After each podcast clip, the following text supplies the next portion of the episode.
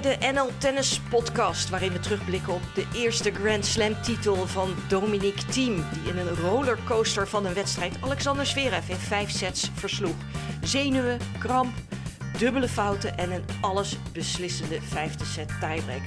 Wat voor finale was het? Ja, dat gaan we nabespreken met de AD-verslaggever Rick Spekenbrink. Nou Rick, jongen wat een rare wedstrijd uh, was het. Um, jouw eerste reactie daarop? Ja, ik moet, ik moet bijna even terugkijken uh, wat er nou precies gebeurde in, in, al, in al die sets. Want Zverev begint goed, uh, wint de eerste twee sets. heeft in die derde set toch een, een, paar keer de kans dat je denkt... ja, als hij hem nu doorpakt, dan, dan heeft hij hem. Maar gaat dan toch ja, wat minder goed spelen. En, en dan krijgt team langzaam grip op, zonder dat die nou zo geweldig speelde. En uiteindelijk, na vier uur, was, vond ik het goed. Was het in ieder geval goed dat er een tiebreak kwam en dat er een beslissing zou komen. En uh, die had ook andersom kunnen uitpakken. Maar het was ja, één, één, één fout van Zverev kostte hem de kop uiteindelijk. Ja, uh, ja je kan ook rustig stellen een, een matige Grand Slam finale. Maar ja, die allesbeslissende vijfde set maakte wel heel veel goed. Ik heb eens even zitten kijken naar de getallen, naar de cijfertjes, want daaruit kan je dan meestal bepalen: is het nou een goede wedstrijd of een wat minder goede wedstrijd? Ja, dan, dan, dan spreken de cijfers toch wel voor zich. De winners en de unforced errors van zowel Zverev als uh, team zijn uh, behoorlijk negatief. Ze zitten alle twee op min 12. Uh, Zverev 52 winners, maar 64 onnodige fouten. Ja, en dan natuurlijk de aces, 15 stuks, maar ook die 15 dubbele fouten, waarvan twee in die laatste set tiebreak, die hebben hem natuurlijk ook wel de das omgedaan. Dus ja, um, een, spannende wedstrijd, maar zeker geen, geen goede wedstrijd. Waarom uh, lukte het team niet in die eerste twee sets om ja, iets tegen het goede spel van Zverev in te brengen. Denk je dat de zenuwen daar ook uh, mee te maken hadden? Ja, we moeten het nog. We zijn een kwartiertje na de wedstrijd. We moeten het nog even van hem horen. Maar uh, ik ben heel benieuwd. Want de zenuwen, ja, die zullen er onge... Kijk, hij heeft nu voor het eerst het gevoel gehad deze Grand Slam finale moet ik winnen. Hij stond in drie andere finales tegen Djokovic en Nadal. Dat zijn wedstrijden die al jarenlang uh, worden gewonnen door die grote drie of grote twee. Nu was hij in vorm. Hij heeft de ervaring van die finales. Hij is een paar jaar ouder. Uh, hij moest het nu doen. En misschien dat dat hem die eerste twee sets wel uh, blokkeerde. Maar, maar misschien heeft hij ook nog wel last gehad van een uh, blessure die in de halve finale tegen Medvedev heeft opgelopen. We zagen de fysio ook iets komen brengen, waarna het wel wat beter ging. Ik dacht het ook, want kijk, je kan zenuwachtig zijn. Nou, dat zijn dan drie, vier games, dan gaan die zenuwen ja. weg. Dan kan je je set daarmee verspelen, maar dan moet het in de tweede set beter gaan. Maar hij oogde ook mat. Ik vond ook duidelijk zijn loopvermogen minder. Um, hij, straalde heel weinig uit. En ik dacht echt van, nou, hij, hij heeft ergens, ergens last van. Maar goed, uh, we kennen Zverev ook. En um, ja, de onzekerheden die toch af en toe uh, de kop opsteken, met name bij zijn service ja, die, die, die kwamen dan toch ook weer terug in, uh, in deze finale. Um, maar waar ik eventjes naartoe wil, als we de speech hoorden, emotionele speech trouwens van Alex uh, Sander Zverev, vooral toen het over zijn ouders ging. Uh, dat, mooi om ook die emoties te zien. Um, maar hij zei van, nou dit is je eerste Grand Slam Dominique, maar zeker niet je laatste. Je gaat er nog veel meer winnen. Um, is dat zo? Dat denken we misschien wel. Maar um, is hij nu echt de kroonprins van het mannentennis? Of was hij dat eigenlijk al? De vraag is een beetje tot wanneer je de prins kan blijven. Want hij was natuurlijk 27. Uh, soms vergeet je dat, dat, dat, hij ook richting de 30 gaat. Uh, maar hij heeft natuurlijk de pech gehad dat er drie uh, dertigers waren die gewoon doorgingen met al die prijzen winnen. Maar hij heeft, hij heeft wel het, um, het meest complete plaatje, denk ik. voor gravel, voor hardcourt kan op meerdere banen uit de voeten. Uh, heeft het uh, mentaal vaak toch wel goed voor elkaar. Vandaag, nou ja, getuigen al die fouten ook van hem wat minder. Maar dit, dit zou hem natuurlijk moeten helpen. De barrière is nu doorbroken. Hij, hij, hij heeft nu die eerste op de teller staan.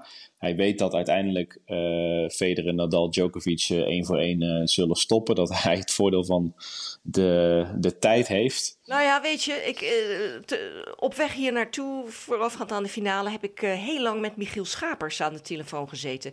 Hij woont in Wenen, is jarenlang voor de Oostenrijkse Tennisbond aan de slag geweest. Heeft ook lange tijd gewoon als in trainingen met pupillen afgewerkt. In dezelfde hal waar Dominique team trainde. Toen nog met Günther Bresnik, met wie hij dus uh, ja, op niet zo'n hele prettige manier is gebroken. Dus hij heeft het allemaal wel zien komen hoe goed het team is geworden. En ja, Michiel zei uh, tegen mij, hij zei, ja, in feite, als je Djokovic, Nadal en Federer, als je die wegneemt, ja, dan is gewoon team de beste speler daarna. Dat heeft hij bewezen. Vier Grand Slam finales.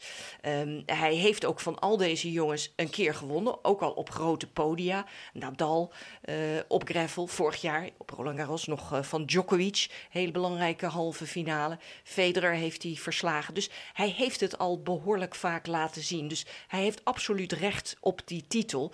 En um, wat hij ook zei, dat vond ik ook wel opvallend. Hij zei: Ja, en als je van team wil winnen, dat kan maar op één manier. Um, hij heeft tijd nodig. Dus je moet die tijd wegnemen. Um, en uh, je moet dus eigenlijk heel aanvallend spelen. Service volley. Maar ja, dat doet niemand meer. Dus um, ja, vandaar dat hij ook zoveel wint. Maar wat zagen we Zverev doen? Heel erg vaak naar het net gaan. En hoe moeilijk was hij te passeren? Was je niet onder de indruk van het aanvallende spel van Zverev, hoe hij zich daar verbeterd heeft? Ja, zeker wel. En ik zag het ook niet aankomen omdat die kwartfinale en die halve finale zo matig waren van Zverev. Hij begon zo uh, frank en vrij uh, te spelen en, en de aanval te zoeken. En ja, dat, dat leek de code te zijn. En, en eigenlijk toen hij dat wat losliet, ging het ook meteen uh, minder. En ja, daarna werd, werd het wat wijfelender twijfelde hij af en toe, ging hij nog steeds wel naar het net en uh, kreeg hij ze toch ook al wel eens om de oren. Maar hij dacht, eh, ik, ik zag vooraf op Eurosport um, een interview met zijn broer, um, Misha Zverev, die zei, ja, je moet wel, je kan niet gaan leunen achteruit. Je moet wel die ballen wat vroeger raken, in het veld proberen te spelen. En dat, zou de, de, dat hadden ze ook zo besproken. Dat zou de, de, de code moeten zijn om, om team te kraken. Het is eigenlijk... Um, uh, merkwaardig dat het Zverev dan niet lukt om dat vol te houden. Maar, maar uh, aan die emoties na afloop bij Zverev zie je ook wel wat de spanning bij hem heeft gedaan. En zeker ook met die service. Er zaten echt, er zaten echt zwabbe services tussen en ook hele merkwaardige fouten. Dus het was een, een wedstrijd onder hoogspanning. Ook al was er geen publiek en ook al uh, ja, waren de omstandigheden anders dan anders. Maar ze, ze hadden er duidelijk allebei wel echt last van. Ik uh, uh, zag ergens een, een, tweet voorbij komen dat de service van Zverev leek op die van Arani van uh, 113 kilometer. Uh, of die van Isner van twee, 210 kilometer. Hè. Er zat gewoon ja. ook ongeveer 100 kilometer tussen zijn services. En je wist niet wanneer welke service kwam. Kwam er een ace, nee, kwam er een, een kakservice of kwam er een dubbele fout? Ja, en ook nog op zijn tweede service was die variatie zo groot. Dat was soms sloeg hij die net zo hard als zijn eerste. En soms uh, bereikte hij het net amper. Dus het was, ja, het was zo vreemd om naar te kijken. Waar ik wel erg van onder de indruk was, uh, ja, dat hij toch dat, dat netspel, dus kennelijk in deze coronapauze, ontzettend heeft verbeterd. Ik zie hem dit hele toernooi al zulke prachtige backhand volley slaan. Hè, waarbij hij een beetje underspin geeft, die heel zachtjes over het net gaan langs de lijn. Zijn bijna altijd rechtstreeks punten. Zijn voorhand volley is altijd iets minder, maar ook daar verbeterd. Hoe die aansluit, hoe die naar voren loopt. Um, hij is bijna niet te overlobben, hij is 1,98 meter. Nee, die, die, die, die volleys, die vond ik echt uh, spectaculair van Zverev. En ik denk ook dat hij daarmee moet, uh, moet doorgaan. En ik hoop dat, uh, dat we dat ook vaker van hem gaan zien. Schiet mij ook nog wat binnen wat Michiel Schapers vertelde over Dominique Thiem. Dat hij eigenlijk nog nooit een speler met zo'n intrinsieke motivatie heeft zien trainen. Werkelijk iedere minuut van zijn training, de volle 100 procent. Um, urenlang en ook met die Gunther Bresnik, die hem toen nog coachte. harde trainer. en, en die Bresnik is ook niet helemaal voor niets uit het team van, uit het team, van team verdwenen. Want ehm, ja, hij, hij kleineerde Dominique Thiem soms. Hè. Hij noemde hem bijvoorbeeld ook altijd Dirk Kleine. dat hoorde Michiel Schapers dan op die baan. Hey, Kleine, Kleine. Ja, op een gegeven moment, als, als, als zo'n jongen natuurlijk volwassen wordt en ouder wordt, ja, dan wekt dat ook irritaties op.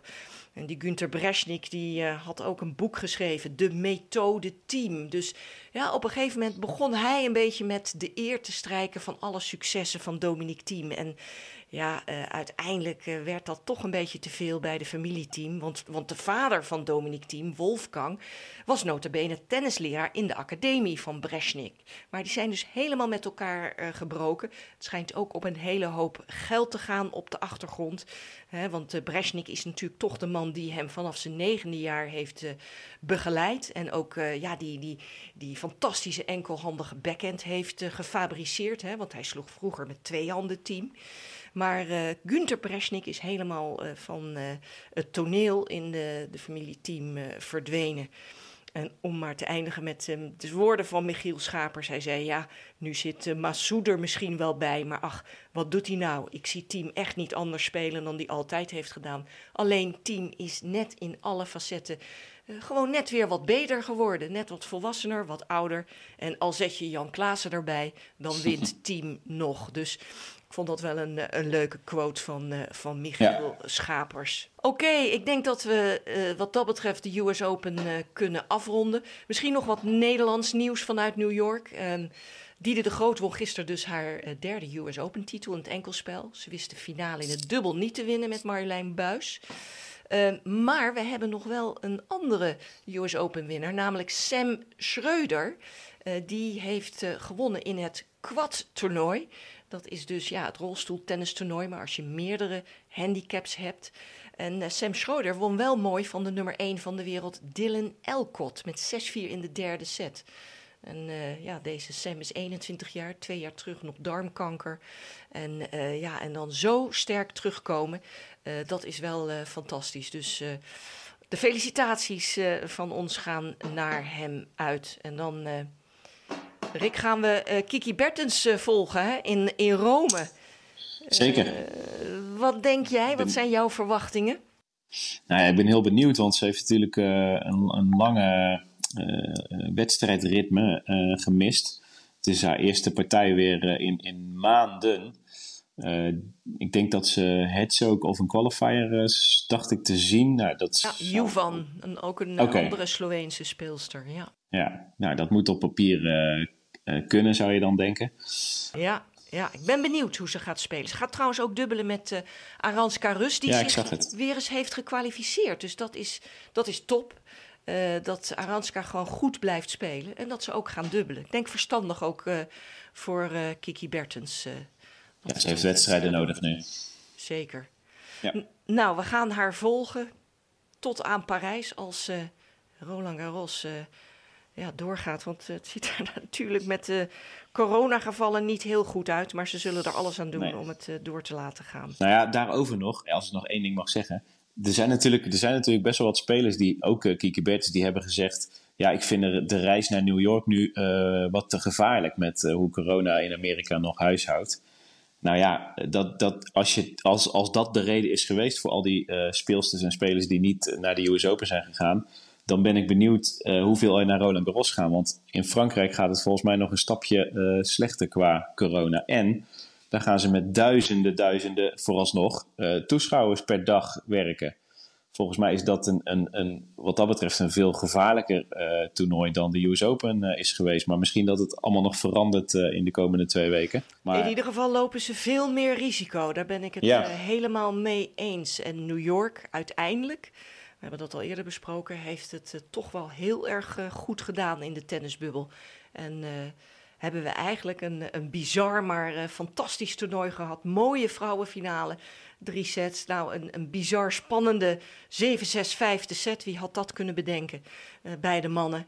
En ja, zo verlaten we dan eigenlijk het New York Tennis toch wel een, een tikje optimistisch. Hey Rick, hartelijk dank voor je bijdrage.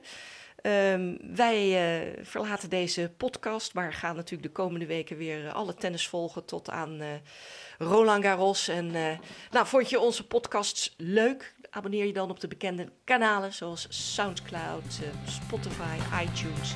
Of kijk gewoon op de website nltennispodcast.nl. Voor nu bedankt voor het luisteren en tot de volgende keer.